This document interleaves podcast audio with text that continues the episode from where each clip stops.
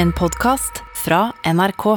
De nyeste episodene hører du først i appen NRK Radio. Grøtsund utafor Skien, Grøtsund utafor Kragerø, og så finnes det et Grøtsund utafor Tromsø. Hvorfor det, egentlig? Men eh, jeg skal vel ikke svare på det nå? Det er vel litt seinere? Ja, det er det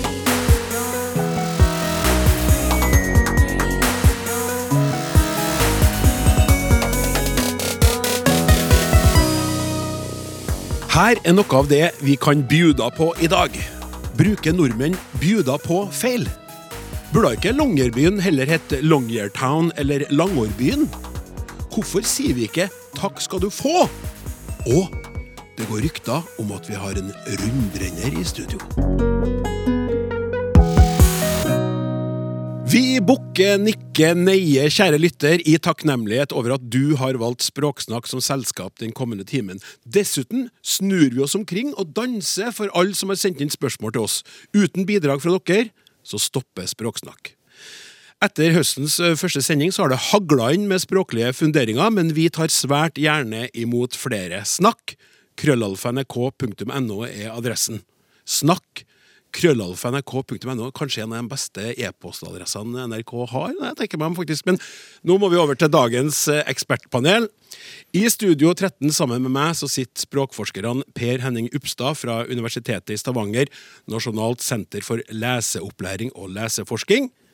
Og så har vi Anjo K. Grinhold, som til vanlig er å finne på Institutt for språk og litteratur ved NTNU. Og Mari Nygaard, som har sitt virke ved Institutt for lærerutdanning, også det ved NTNU i Trondheim. Hjertelig velkommen, alle tre. Tusen takk. Takk for det. Ja, Da hører vi at de er på plass. Da setter vi i gang. Så det er sånn da at De unge Språksnakk Vi har holdt på i ett og et halvt år, men vi har en tradisjon. Per Henning. Du er ny i Språksnakk og får dermed æren av å åpne ballet med å svare på følgende spørsmål. Hei! Takker for fint program med flinke programledere. Så dere er også ikke bare språkforskere, men dere er programledere sammen med meg. Det er jeg helt enig i. Spørsmål. Hvorfor heter administrasjonssenteret på Svalbard Longyearbyen? Og da tenker jeg på at navnet består av en engelsk del, Longyear, og en norsk del, byen. Det burde jo egentlig hett Longyeartown, eller Langårbyen. Enig? Spørsmålstegn. Hilsen Jon Wilhelmsen Grimstad. Før du svarer på det, Per Henning, så må jeg si at Langårbyen, det likte jeg veldig godt. Høres ut som en by som kunne vært eh, del av eh, NRK sin julekalender. Men det var trøbbel i Langårbyen. Året var altfor Så ble kort. det jul. Ja, så ble det det bra. altfor tidlig. Nei, men, men altså, hva skal vi si til Jon? Ja, men jeg jeg er enig med deg. det- Longyearbyen er jo en Det er jo ikke så ulikt det sånn som det blir uttalt, heller. Eh, og det er jo et spesielt navn. Uh, Longyear og, og byen. Og første delen er jo eh, Det er jo et eh, Amerikaneren, John Long, Longyear, som, som starta med kulldrift på, eh, på, på Svalbard rundt eh, 1900. Og eh, der det var, en ei tid der amerikanerne drev det. Og da hadde jo òg plassen òg navnet Longyear City. Eh, Den ble også kalt eh, The Camp. Nå er ikke jeg noen spesiell, spesialist på, på Svalbard, men eh, det ble jo gjort en oppdagelse av eh, kål og kull der oppe. Og, og ble jo lagt dit der, der det var. Eh, så er det jo, kan du si at dette er jo litt, kanskje litt sånn stormannsgalskap, da. At eh, denne plassen fikk navn etter personen. Og eh, city, eller by, knytta til seg. Stormannsgalskap i liten skala, kanskje. Ja, for det er en veldig, veldig, veldig, veldig, veldig, veldig, veldig, veldig liten by, vet du. Ja, Jeg har vært der flere ganger. ja og så kan du tenke Han har jo vært enda mindre, da.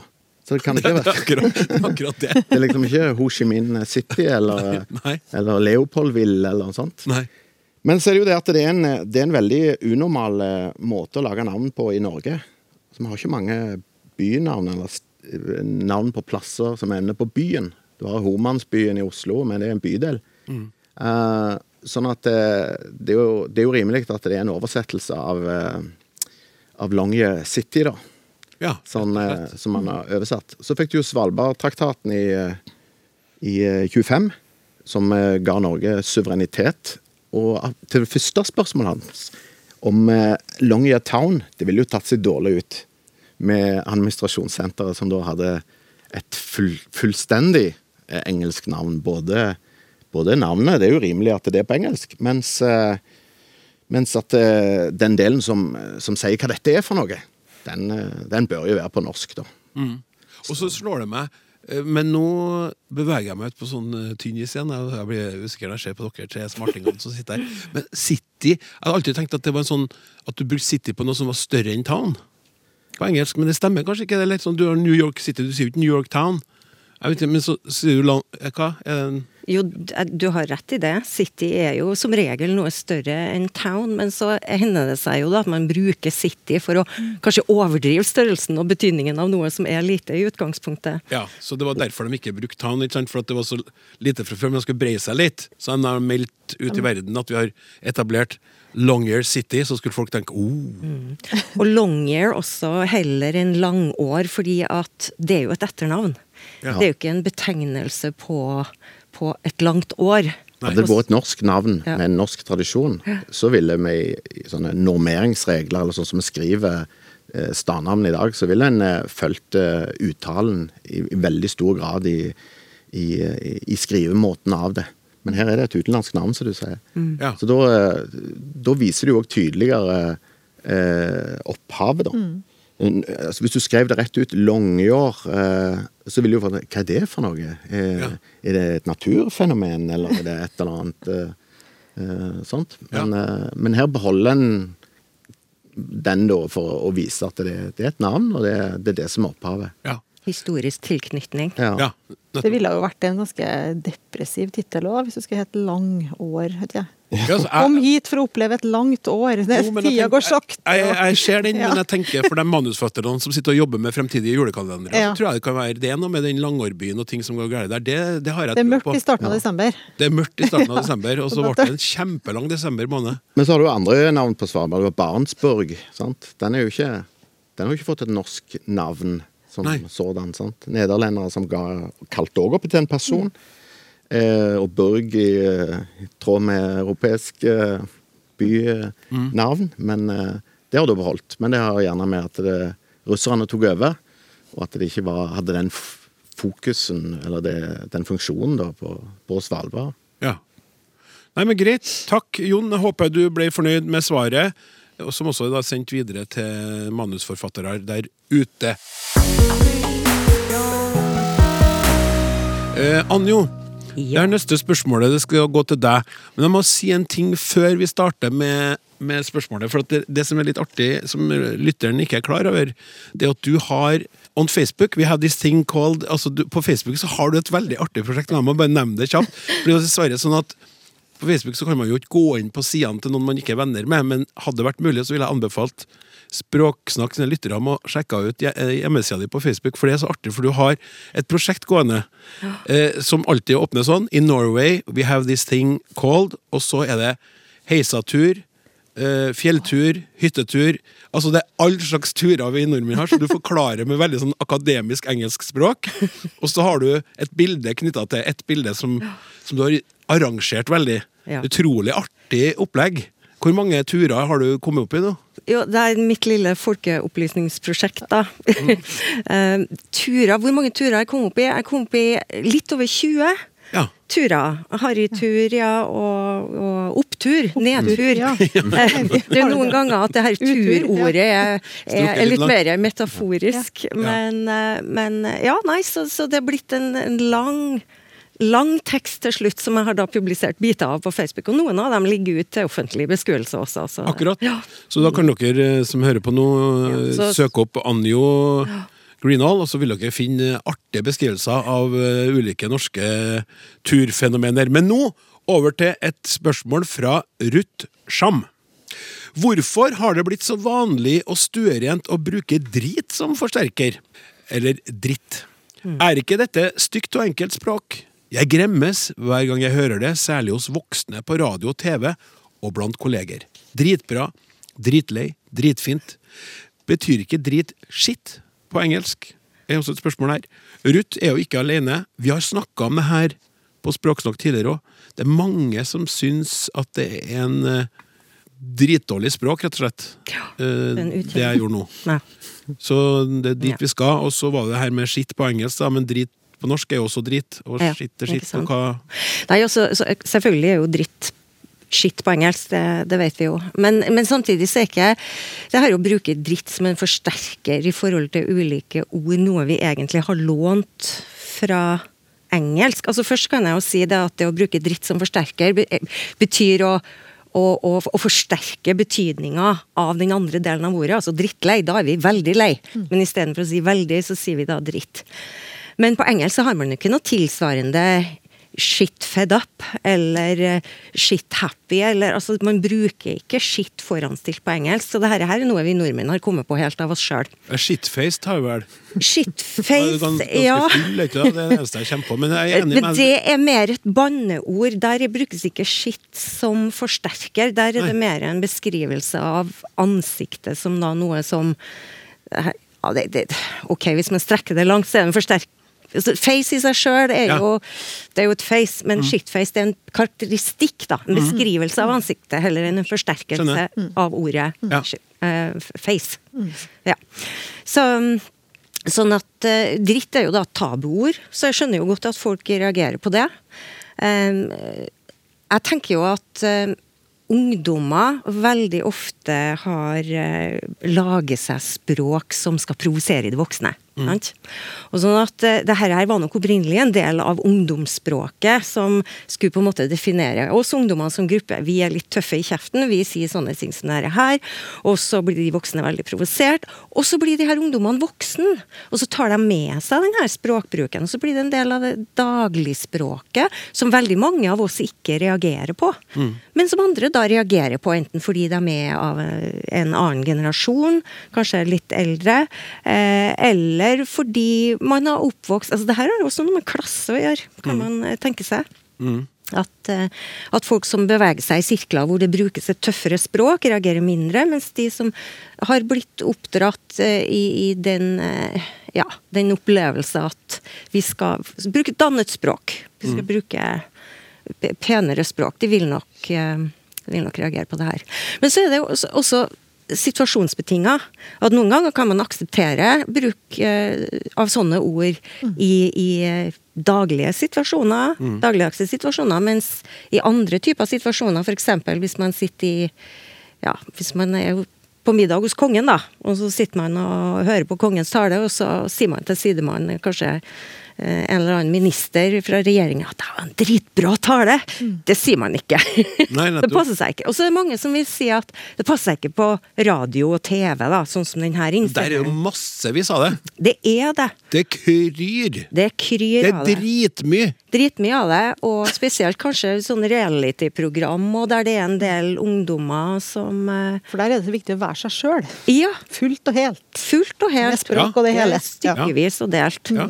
Det, det, men eh, det interessante er jo egentlig det at du, du bruker et, eh, et litt sånn negativt ord da, om forsterka. Du har jo også med dødsgøy eller dødsbra. Ja. Og egentlig så skulle det jo, altså Hvis vi bare tok hvert ord for oss, så ville det jo gå en alarm og si at dette stemmer ikke. Mm. Altså Dødsbra det går, virker jo mot sin hensikt. Men det er jo den kontrasten ikke sant, som Ja. man får, som, som nettopp gjør det ordet så forsterkende. Og vi ser det jo ikke bare i norsk, vi ser det i engelsk også, der bad betyr good, faktisk. Wow, that's bad. Ja. Og så betyr det det var utrolig bra. Ja, ja. liksom. Sånn at det, det er rett og slett eh, en eh, kreativ bruk av språket. hvor Ja, og vi- kanskje toppen da av de der nede. Altså, hvis du spør hva, hva, er, hva er best av kjempebra og dritbra? Altså, Du lurer jo ikke på det.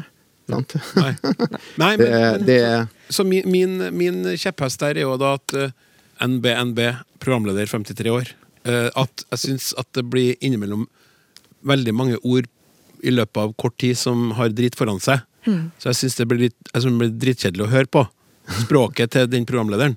Ja. Når veldig mange av beskrivelsene av følelser eller ting du snakker om, brukes bare Det, det var litt av det som jeg også mente forrige gang, så jeg gjentar jo for så vidt meg sjøl, bare at eh, Ikke sant? Men det, det er jo ikke alle som er enig med meg, som mener at det er sånn må det kunne være. Men jeg, jeg skulle ha likt at dritbra eller dritkjipt hadde kommet, men så hadde det vært, også vært andre ting. Du har, du har helt rett i det. Det er en inflasjon, rett og slett nå. En språklig inflasjon. Vi ser mye av også sy altså, andre ord som ikke er tabuord, men sykt bra, for eksempel. Men Så det eh, så, så er det vel også sånn at vi kommer nok ikke til å si drit eh, alltid. Altså at det, det er sånne forsterkere som er Vi sier jo gjerne produktive da, i, på, i ulike tider. Sånn at det kom der, kan godt være altså Det er jo et egentlig et mer sånn moralsk eller stilistisk spørsmål hva som er høvelig. Men eh, om 20 år så vil nok en eh, programleder sitte og si noe annet, da. Eh, Jeg ble oppmerksom på i, i Rogaland, i, i, et, i, en, i et hjørne der, at det var plutselig Det å si galbra Altså at jeg setter gal foran, det var jo liksom Galbra, galbra. Mm. Altså som en sånn forsterker, da. Ja. Men veldig men lokalt. Sykt bra eller sinnssykt, da. Ja. Sinnssykt Veldig lokalt. Og så spørsmålet er hvorfor, eh, hvorfor er det noe som blir populært, da? Eller? Hvorfor? Og det er jo det som det er et uttrykk for. Mm. Når denne sier det i hver setning. At den, eh, den bruker det så mye. Det er kanskje òg et tegn på at det er på vei ut. Ja. Altså det at, fordi at funksjonen er jo i ferd med å forsvinne, da. Tabuet forsvinner. Eh, jeg tror scenen er klar for et ny, en ny forsterker. Ja. Og da er spørsmålet hva skal det være? For å miste Altså, effekten sin, Ja, miste effekten, da. For det, det har ikke injurierende kraft. Spåmannen så vil jeg si dette er på vei ut. Ja, ja, ok. Ja, men det, det er bra. Da, da tror jeg vi setter strek der, for vi må, vi må videre. Takk skal du ha, Anjo, og takk til dere andre nå. Språksnakk med Klaus Sonstad. Eh, Nå skal vi over til noe som eh, er knytta til en liten eh, greie vi hadde på gang i forrige sending. Så nå først må jeg be alle sammen om å høre på det her. Men Ellen, jeg tenker jo det der, da. For du sier min eksmann, men jeg må jo si mine ekser i flertall. Ja. Og jeg har jo sånn, sånn rekke med svigermødre, for eksempel, som jeg har fått kontakt med. Da er det litt sånn, skal jeg si svigermor 1, 2 og 3? Høres jo rangerende ut. Skal jeg si altså den første eks-svigermora mi, og den andre, og da familier, for da er det flere familier. For eksempel i høst skal jeg være toastmaster i bryllupet til ekssvogeren min. Fra mitt eneste men, ekteskap, men også den første som jeg også, da, da, da folk, bare, folk går jo før jeg er ferdig med å forklare, de blir jo lei. Det er sånn at Du driver og skiller deg, men svigermødrene blir du ikke kvitt.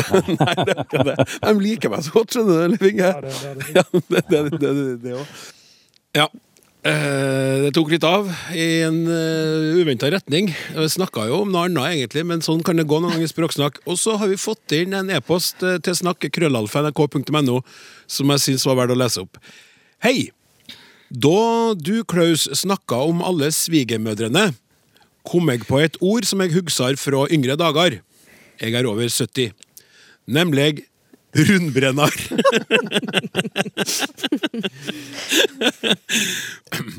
Det ble bare bruka om menn, for da kunne det være underforstått et element av storsjarmør eller kvinnebedårer der. Før kvinnefrigjøringa var det utenkelig at kvinner kunne oppføre seg slik, for en mente at mannen alltid tok initiativet og hadde kontrollen med relasjonene, relasjonene til kvinner. Rundbrenner er vel sjelden i bruk nå, men det kunne være interessant med noen kommentarer til hvordan ord kan speile av samtida, og i dette dømmet sier noe om endringer i oppfatninga av kvinner og menn. Helsing Ida Marie Andersen. Takk skal du ha, Ida. Marie, eh, Mari, hva tenker du om det her? Kan vi begynne Her var ordet det, ja, her var det jo mange forskjellige tanker og spørsmål som meldte seg på en gang, merker jeg. For, for meg òg, faktisk. Ja, eh, det på ulike både språklige og andre plan. Men eh, rundbrenner, ja. Eh, ja, jeg husker ordet også godt. Jeg er under 70, men ikke ungdom, da. Eh, Så husker jeg jo godt sjøl fra ungdomstida òg. Men egentlig, altså den faktiske rundbrenneren Jeg måtte google det, for jeg visste det faktisk ikke fra før. Men eh, det er en sånn ting du kan ha med på tur. Det finnes sånne treff der liksom, er det best å ha en ovn eller rundbrenner inni lavvoen for å spre varme rundt seg. Så det er noe man kan kjøpe og ha med seg som en sånn som sprer om seg med varme og kjærlighet. Ja. til Mange, da. Til alle som vil ha, tror jeg. Ja. Og eh, det kan jo tenkes at det er den typen rundbrenner eh, innsenderen sikter til når jeg beskriver deg, da. Får vi jo håpe.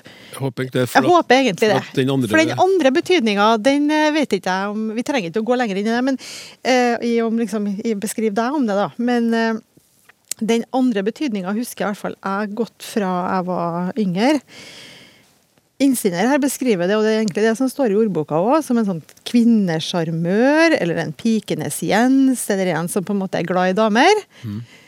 Jeg må si at jeg husker det, eller jeg forbinder ikke det med noe så positivt, rett og slett. Jeg tenker på det som mye utelukkende negativt, og det er han jo nikker her. Eh, Jeg tenker på det som en person som, og det er en mann, det kan ikke være ei dame, som er rundbrenner. Det er jo interessant, skal vi si litt mer om det. Men eh, eh, det er en person som eh, rett og slett eh, holder på med mange samtidig. Ja, en, en notorisk utro person. Ja, og da må jeg få lov til å si at, eh, at det er rett og slett der det skiller seg mellom rundbrenneren og meg. Jeg syns det er artig at Ida skrev, men det, det er altså det Ja. der, der, der, der Ja, du, vær så god, du rekker opp hånda. Ja. Jeg rekker opp hånda fordi at vi har et moderne ord som betegner noe eh, lignende, men som da ikke har utroelementet i seg, og det er seriemonogamisten.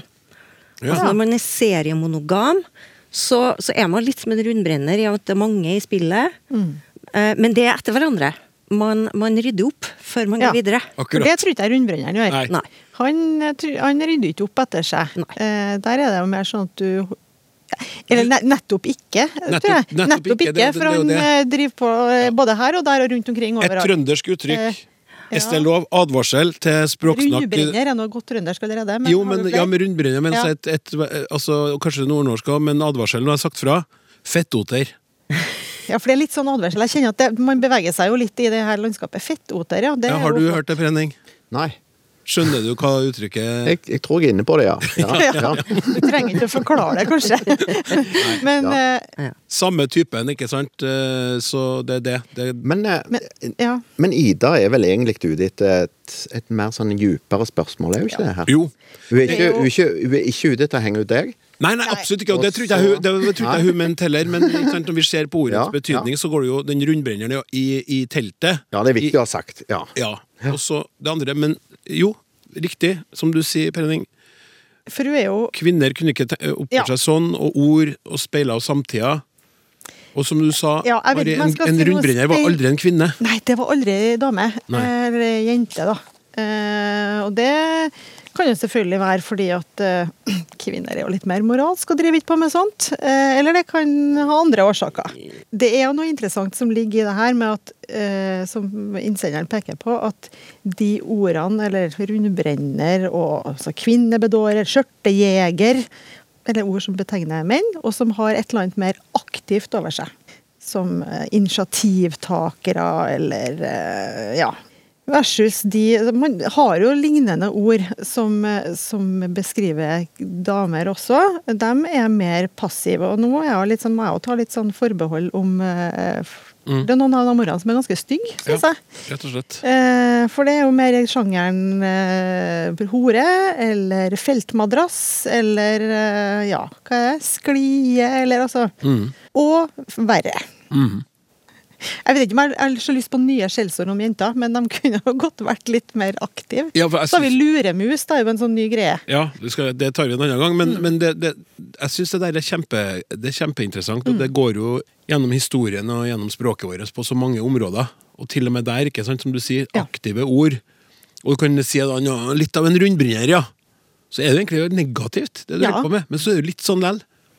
Skikkelig skjørtejeger, Fikk vet det du. Han fikk det til å være rundt, for han fikk jo til å få alle dem å brenne rundt med, da. Ja. Eh, Så det er jo litt sånn status over. Det er ikke noe mye status over å være feltmadrass, Nei, for å si det sånn. nei da. Så det- Bortsett fra når du kanskje er en feltmadrass, faktisk feltmadrass som er ute Med den rundbrenneren så- som du har med ved siden av. Ja, med den rundbrenneren, nettopp. Ja, det var fint. Nå fikk du runda det godt. eh, Fikk vi runda det godt av. Takk skal du ha. Jeg tror vi lar det bli med det. Det var heftig. Var det, var det, var det varm av rundbrenninga? heter Millie. Eh, mitt favorittord er eh, snurrebass. Og jeg liker det fordi det er litt tullete. Og så er det nesten litt sånn onomatopeia, men det er jo ikke riktig. Men eh, det høres litt sånn ut som det passer til det det er.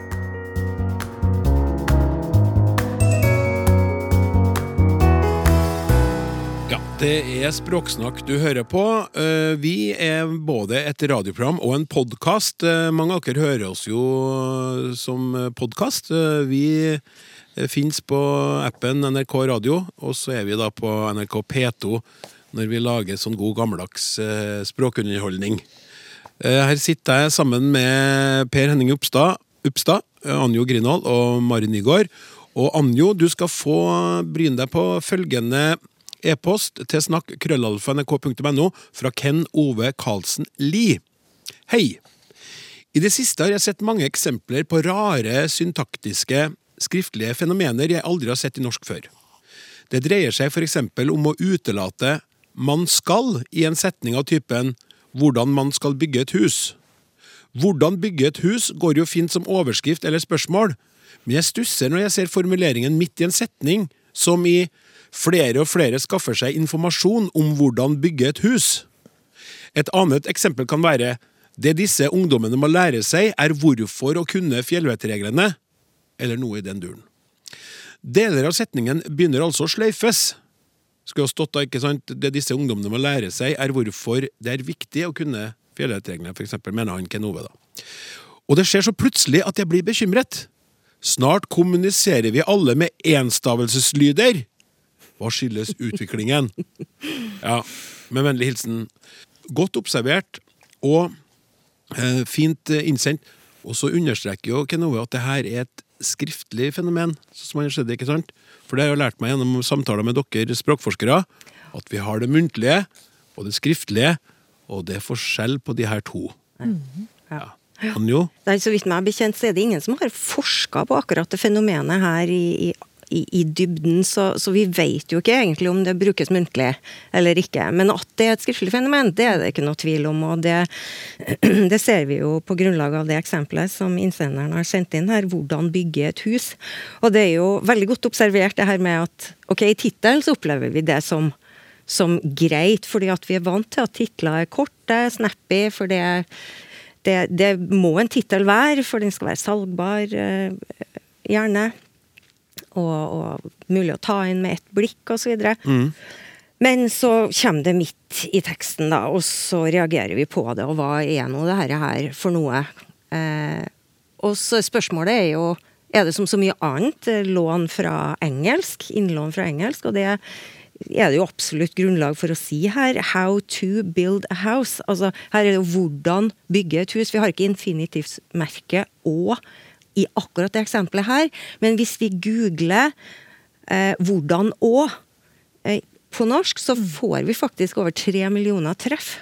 Så da får vi, eh, får vi eksempler av typen 'hvordan å lage eh, dehydrert melkeflak'. Fant jeg. Ok, var Hvordan å møte svigers for første gang. Hvordan å møte svigers for første gang. Og andre gang, og tredje gang. Ja, ja. Ikke sant? Så, så det her how to-konstruksjonen som vi da kan kalle eh, Per Henning, jeg tror du har kalt det grammatisk lån, og flere med deg som kaller det grammatisk lån, altså at vi mimer eh, eh, engelsk grammatikk i i det, i det norske. Det er da altså eh, veldig vanlig og blitt ganske så etablert. Og, og, og grunnen til at vi låner fra engelsk, det er jo så mange grunner til at vi låner fra engelsk. Først og fremst er det jo at engelsk er så Det er rundt oss, sånn at vi kan ikke unngå å bli smitta av det på en måte. Det skjer automatisk. Det andre er jo at engelsk har vært en eh, de siste par tiårene eh, det kule språket, sånn at vi vil gjerne høres engelsk ut ved å låne engelske ord, men også låne måter å si ting på, da, fra engelsk, rett og slett. Eh, men så er det da det her, med hvorfor går det altså går det i retning kortere og kortere, og færre og færre ord.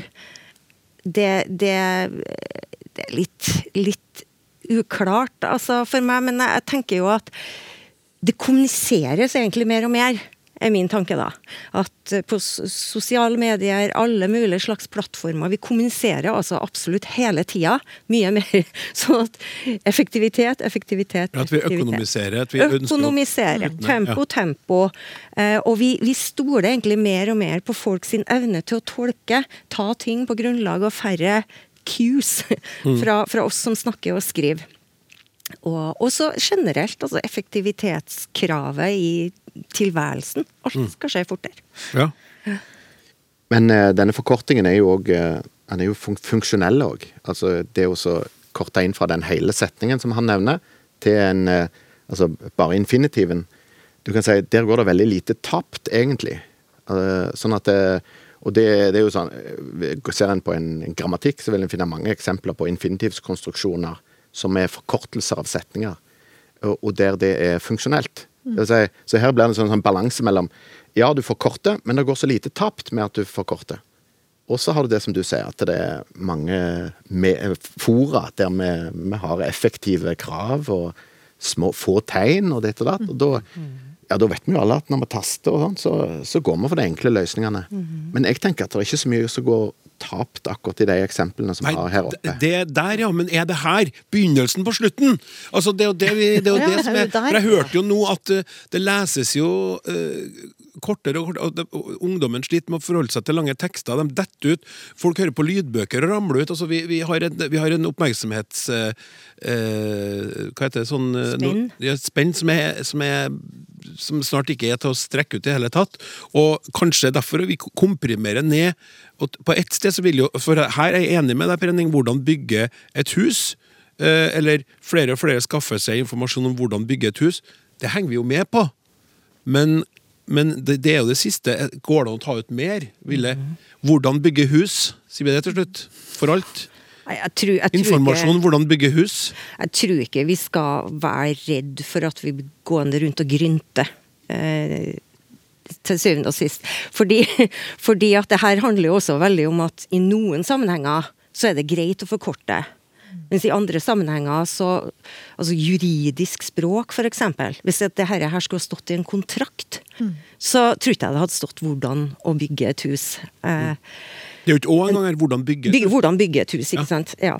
Eh, Så, sånn at eh, det vil alltid være Altså hvis, hvis, hvis vi får effektivisering og økonomisering i én type sjanger av språk og språkbruk, så, så, så kan vi Så blir det kompensert gjerne for ved at vi får mer eh, men det her er jo sjangerbestemt, fordi det er jo ikke alle typer sjangere at vi har sånn forkorta språk. Det, I mange sjangere så, har vi, så er vi nødt til å bruke mange ord for å si ting, fordi det kreves at vi skal si ting og, og at vi sier ting så nøyaktig og presis som mulig, som f.eks.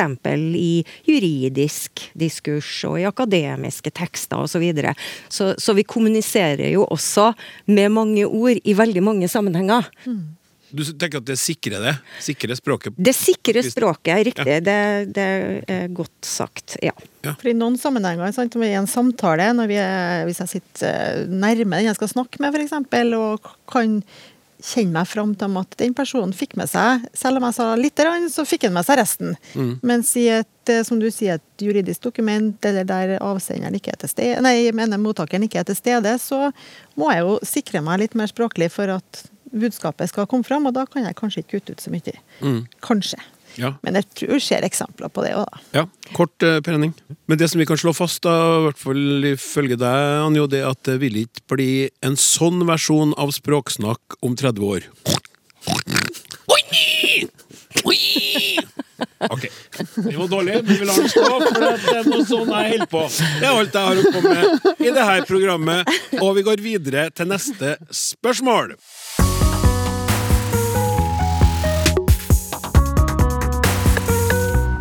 Det her er, det her er en eh, ordleker av rang, da. Så nå skal jeg prøve å lese det opp sånn som det, sånn som det står, for det var veldig artig å lese det da den kom inn i e-postkassa til snakkekrøllalfa.nrk.no. Hei, språklaus Sonsnakk og resten av språkridderne rundt det runde ord. Med litt isbedd humor og en drøss med kunnskap, så lykkes dere med et suverent og interessant program hver gang dere sender. Utrolig hyggelig. Rause og hyggelige lyttere som er veldig fornøyd med innsatsen dere gjør i programmet, kjære språkforskere. Så kommer det. I USA sier de thank you, Tyskland dankeschön osv. Dette betyr jo takk deg i USA og takk vakre på tysk. Sverige har takk så mye. Danmark har tusen takk. Pluss at alle har noen andre måter å takke på også. Vi i Norge sier jo takk, tusen takk, mange takk, hjertelig takk. Og så har vi den der spesielle om at noen skal ha denne takken. For eksempel takk skal du ha. Hjertelig takk skal du ha. Mange takk skal du ha. Her kommer spørgesmålet. Hvorfor sier vi ikke takk skal du få? Mange takk skal du få, og så. Og hvor kommer ellers takk fra? Eller takk som byr? Kunne jeg fått et svar på dette eller en forklaring, så skulle dere fått en takk som er gitt. Hjertelig takk som jeg hei gjeve, og vennlig hilsing, Steinar Kaspersen, Lyngdal. For en fest å lese! Eh, og så kom på jobben eh, en morgen og få en sånn e-post. Gled meg til å høre svaret deres, men altså også nyt å lese! Fest. Det er en fest, rett og Ja. slett. Så nå vil jeg først si at han skal få en takk. Eh, Så takk skal du ha for det Takk skal du få. flotte. Skal Eh, få ja. en takk, og takk skal du ha. Nettopp. Ja. Du skal få en takk, men kan du si takk skal du få? Nei, det var, det var ikke det, det jeg mente å si. det er jo faktisk det han spør deg Jeg skjønner det, men ja. Du, du er ikke helt sikker? Nei, det var det. Etymologisk sett så kommer det her fra norrønt, fra thokk, som betyr noe med lønn eller tilfredshet. Fokk. Ja. Å, så bra. Artig. ja. Så det er jo et ord som er arva sånn sett. Eh, og så skrives det også tilbake til rota for ordet tenke, har jeg lest meg til. Så det har noe med, noe med lønn og noe med tilfredshet og noe med tanken å gjøre. Og noen skriver at det har sammenheng med, med tiltalende atferd og det å gjøre noen til lag. Så det, det virker som at det du skal få når du skal få, eller du skal ha en takk, da, så er det her de skal ha. En slags symbolsk lønn, eller at du føler deg tilfreds med noe noen har gjort eller sagt, eller det de skal takke for. Og vi sier jo også hvis jeg f.eks. har ei bok eller en gave, noe som jeg eier, som jeg er litt glad i, som jeg har litt lyst til å gi videre til jeg har lyst til å gi det videre til noen, da. Mer enn at jeg bare gir det som en tilfeldig gave, så kan jeg si sånn Den her boka vil jeg at du skal ha, eller det her smykket vil jeg at du skal ha. Og da betyr det ikke bare sånn Vær så god, ta med den, men det betyr at du skal ha den til odel og eie, på en måte, og at det betyr noe. Så, så det, jeg synes det, den sammenligninga gir litt mening for meg. i hvert fall. Du skal ha den her, det her smykket, du skal ha den her takken. Ta den med deg. Bevar den i hjertet. Eller noe sånt. Altså ha versus få. At det er noe som har skjedd. Eh, Det er ikke noe som skal skje i framtida. For at du takker for noe som har foregått. Noe som kanskje ligger litt tilbake i tid. Mens du snakka i Mm. sted, så begynte jeg å tenke på den få-en. For da, da blir det sånn, Hvis du da får beskjed da, fra en som sier til deg 'takk skal du få', Mm. og så ringer du den sent på kvelden, og han våkner, så han har lagt seg, og så sier du 'når skulle jeg få den Når var det jeg skulle få den takken? Jeg har så lyst på en takk'. Ja, du, du skal få din takk i himmelen. er jo også et sånt litt ironisk uh, uttrykk. Altså, jeg får vel min takk i himmelen. Altså, det er ingen som takker meg her eller eh, her og nå, men eh, det kommer på et senere tidspunkt. Det vil si aldri, hvis man ikke er religiøs, da. Og det er noe annet enn 'takk skal du ha'. Ja. Ja, ikke sant? Det, det blir mer sånn analogt med 'takk skal du få'. Altså at det er litt, altså Når vi snakker fremtida, så er det takk, det er noe som skjer i noe her og nå. Takk skal dere ha for eh, den gjennomgangen av spørsmålet hans Steinar Kaspersen. Vet ikke om han nå tenker der han sitter eller står eller går. Takk skal dere få, eller takk skal dere ha. Eh, Det gjenstår. Takk for, takk for oss. det er for Takk til oss! Ja. Takk, takk, Takk til oss. Takk til oss, ja. For den er jo litt sånn halvveis. takk til oss, takk til dere. Språksnakk. Hei! I en samtale med kolleger kom det frem at vi kjente til flere steder i Norges langstrakte land som heter Grøtsund. Min mors barndomshjem ligger på Grøtsund utenfor Skien. Det finnes Grøtsund utenfor Kragerø, og Grøtsund nord for Tromsø. Vi lurer på den etymologiske opprinnelsen eh, Vi lurer på hva den etymologiske opprinnelsen kan være for dette stedsnavnet. Vi lurte på om det kan ha norrøn opprinnelse, og sjekket om islandsk kunne hjelpe oss. Dessverre. Grøt på islandsk er grautur. Så da er vi like langt og ble enige om at jeg skulle sende inn spørsmål til Språksnakk. Håper det kan hjelpe.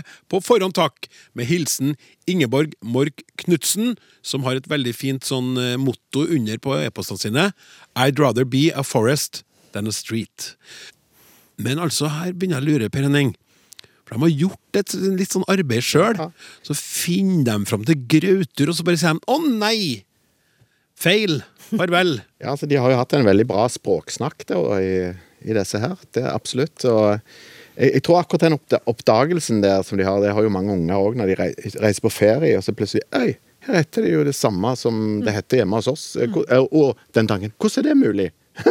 liksom. Det at det, der jeg bor, det er, jo, det er jo den plassen, og plutselig er det to plasser. da. Og her er det tre plasser. Ja, og da begynner det jo plutselig å bli interessant at eh, ja, her må det jo være noen fellesgreier felles greier i, i spill, da. og eh, hvordan vi gir navn og sånt. Det var vi jo inne på med Longyearbyen. Men eh, det er sånn at, det- at eh, navn på, på grøt og grøt og sånn eh, eh, De eh, handler, kommer som regel av, av griot, altså av stein. Sånn, så, Ja. så den et, etymologiske opprinnelsen er, er stein. Og så er jo et annet spørsmål Men eh, hvordan fikk denne plassen navnet sitt? Og det er mulig at for disse Nå har ikke jeg studert eh, de eh, sånn inngående. Det er jo mulig at de eh, har fått navn av samme grunn, men de kan òg ha fått navn av ulik grunn. En grunn kan f.eks. være at det, det, er mye stein, at det er noe som preger plassen. Altså steingrunn. Ja, steingrunn. Gagang. Eller at eh, er det et sund, så kan det jo være at det har med funksjonalitet å gjøre. At det er stein eh, som ligger i veien, eller noe sånt. Eh, Nå sjekket jeg opp akkurat det i, i Tromsø, som det er fokus på her, da. Den, der i Norsk Stadnamnleksikon så, så peker de der på at eh, det er et såkalt Det har fått navn av et eh, tapt elvenavn. Gryta. Men det kommer jo òg av stein. Men altså, da har ikke sundet fått navn av steinene som ligger der, eller sånt, men det har fått navn av et annet navn som ligger ved siden av, Ja. nemlig elva. Som igjen har fått navnet fra stein på en eller annen måte, da. Så selv om de har samme navn og har samme etymologiske opphav, så kan, de, kan det være ulike grunner til at de har fått eh, det navnet, da. Det er stort sett knytta til stein, eller det er knytta til stein, men det er forskjellige når det gjelder navn og sånn, så er det noen ting som en er, er sikre på, og noen som en er veldig usikre på, men, men akkurat det i de fleste tilfellene så handler det om, om stein. Vil det da være ofte at det, at, det, at det har fått navn litt i samme tid i historien?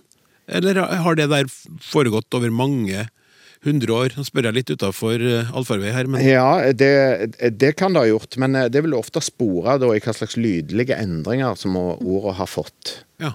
var vi inne på Longyearbyen der. sant? Den har ikke fått lydelige endringer, fordi at én, vi kjenner til hva navnet kom av. Fyren eh, Longyear.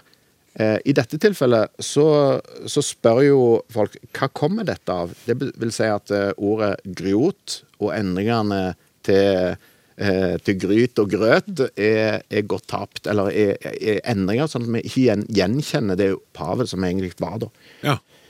Så av hvordan det arter seg i, i, i, i talemåten og uttalen, så kan en eh, i noen tilfeller da peke på, på, på hvor gammelt det er. Det var Fint. Det var veldig bra. Uh, Ingeborg, uh, du og gjengen må bare sende inn flere spørsmål når dere språksnakker. Det er helt, eh, helt, helt herlig. Og hvis jeg ikke har sagt det før, så sier jeg det en gang til. Snakk krøllalfa nrk.no.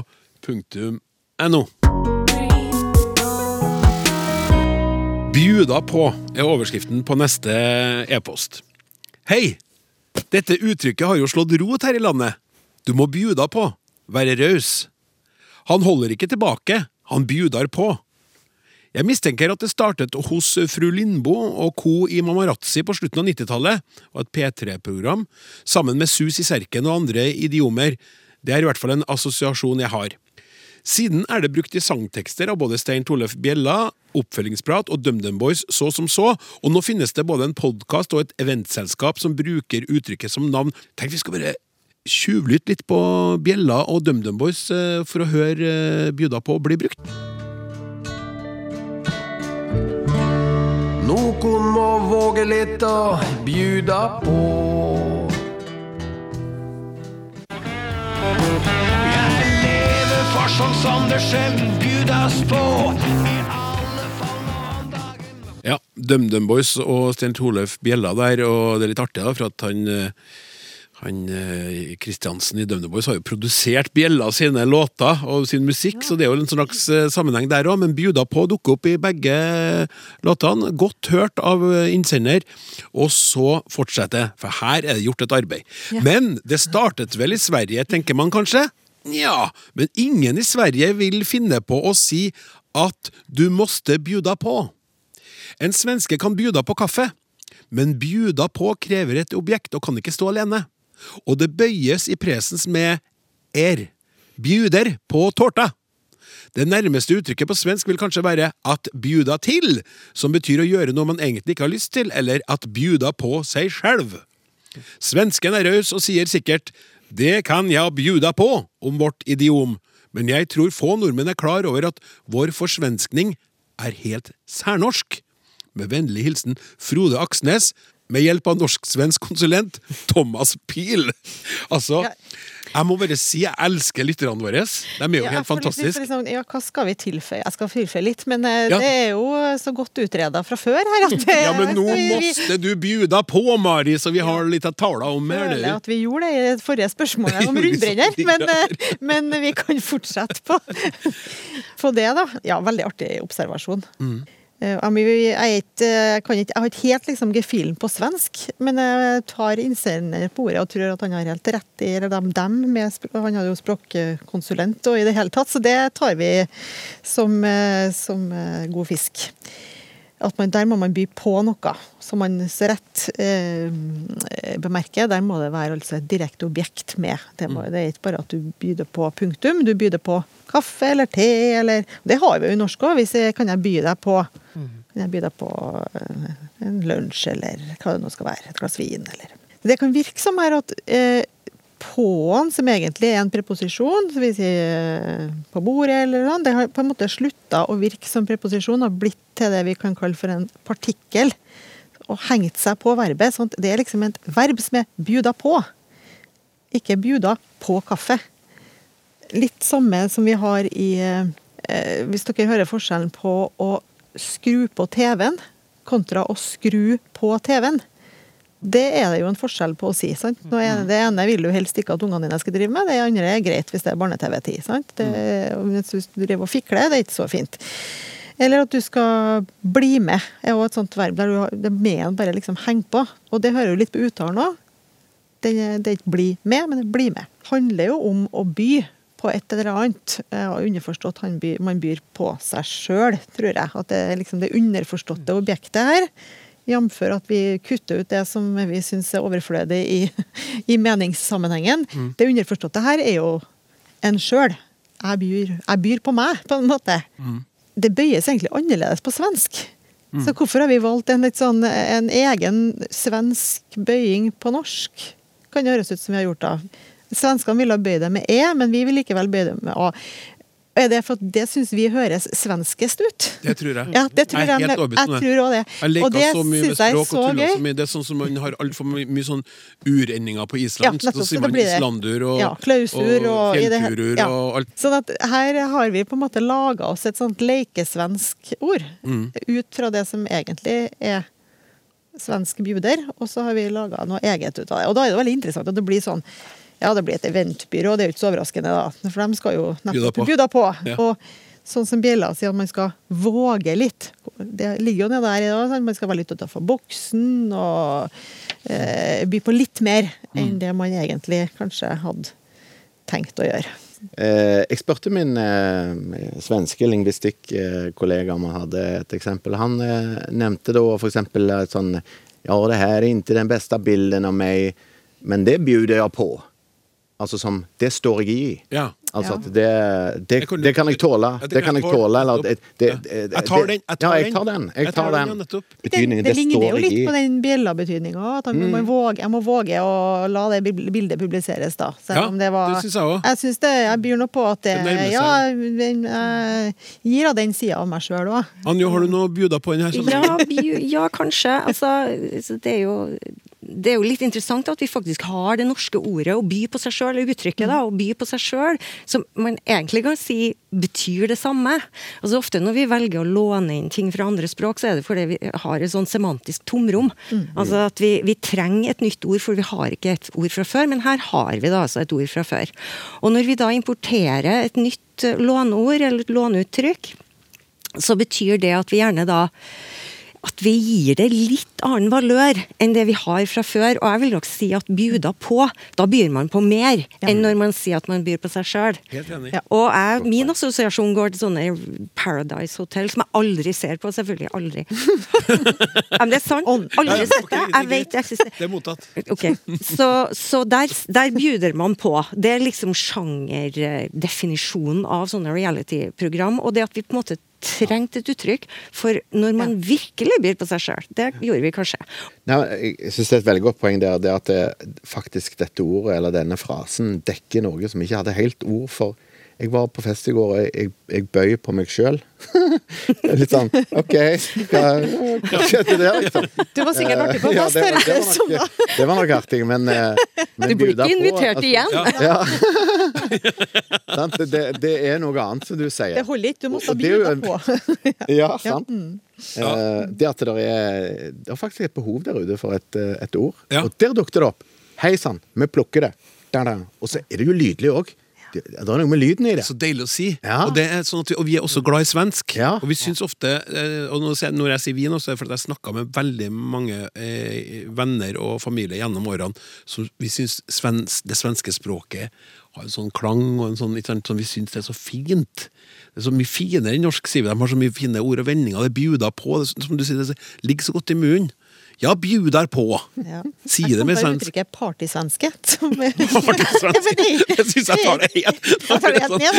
Sånn, sånn, jeg sier, Ja, bjuder bjudar på. så kommer du bare Du er en skikkelig partysvenske, du, var Nei, nei, jeg sier det, jeg det uttrykket er så utrolig Ja, Ja, samme det. men de bjuder på, tror jeg. Ja, det gjør de. Mitt navn er Dennis, og mitt favorittord er rabarbra. Fordi det er så morsomt å si, spesielt eh, som bergenser, fordi det er så mange r-er i ordet. Rab rabarbra. Språksnakk med Klaus Solstad i NRK P2.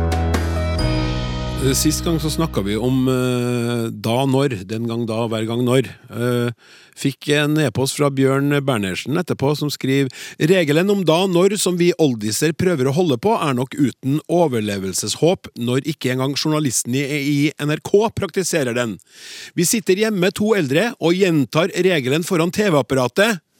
Men journalisten som omgås regelen hensynsløst, hører oss jo ikke. Nei, må sende inn spørsmål, da. Ja, ja, ja det, men nei, altså, da, jeg synes jeg ser det for meg. Bjørn og fruen. Den gang da, hver gang når! Nei, det er håpløst. Og så en eh, som plukker en høne med meg, da. Hei! Programlederen illustrerte bruken av da, når i fortid. Når jeg var liten, spiste jeg alltid pannekaker til middag, sa han. Sa han. Det var meg. Og begrunnet bruken av når med at det dreier seg om hver gang han spiste middag. Jeg mener at den begrunnelsen var feil. Vi har å gjøre med en forhåndsskutt bisetning, og da, når, tilhører bisetningen ikke hovedsetningen, og liten har han antagelig vært én gang, ikke mange ganger. Dermed blir det da jeg var liten, spiser jeg alltid. Med vennlig hilsen ØKM. Nå vet jo ikke jeg om jeg har levd flere liv, men Mari, hva du sier Ja, da og når. Det er et utømmelig tema, da. Det må jeg si. Ehm, eh, jeg må gi støtte til Øyvind som har sendt inn spørsmålet her. jeg. Ehm, han har rett i at det er snakk om ei bisetning eller ei leddsetning som er stilt foran den leddsetninga som er 'når jeg var liten'. Eh, og så på en måte er den her en, det er en variant av setninga 'jeg spiste alltid pannekaker når jeg var liten', og den biten av språk som når da si, bestemmer over, det er den leddsetninga. Eh, så Klaus var liten én gang, eh, og dermed er det da som er rett. Så Et annet eksempel på det her, altså hvis vi aksepterer at da, når osv. er en så streng regel som vi skal forholde oss så strengt til osv., så videre, sånn som det ble snakka godt og lenge om i forrige sending. Men eh, hvis vi nå tar det som premiss. Et annet eksempel på det her er jo sånn Da jeg tok eksamen i matematikk, måtte jeg pugge eh, ofte pugge formler. Da måtte jeg ta eksamen én gang, men jeg pugga formler flere ganger. Men hvis det er repetitivt, det som skjer i leddsetninga, så blir det når. De drakk ofte vin når de kom fram på hytta på fredagene. For de kom fram og drakk vin. Ofte begge deler. Så at det blir litt sur i det her, tenker jeg også ganske ikke så veldig rart. Nei. så du, for meg er du helt tilgitt. Det er fint. ja. Legge hodet litt på blokka vet for å skape litt mer lavterskel for å sende spørsmål og sånn. Ja. Så- Men det var litt godt å få svar fra en med, et medium, da. Eh, selv om man roper til TV-en og ikke får svar, så får han svar Ja, i språksnakk. ja, det er nettopp det. Eh, takk skal du ha. Eh, det var alt vi hadde å, bjud, å by på i dag. Språksnakk er ved ords ende. Tusen takk til våre språkforskere Per Henning, Anjo og Mari. Tekniker Martin Våge, journalist Randi Lillealteren, produsent Hilde Håbjørg og jeg, Klaus Sonstad. Si ha det bra og på gjensyn. Vi snakkes! Du har hørt en podkast fra NRK. De nyeste episodene hører du først i appen NRK Radio.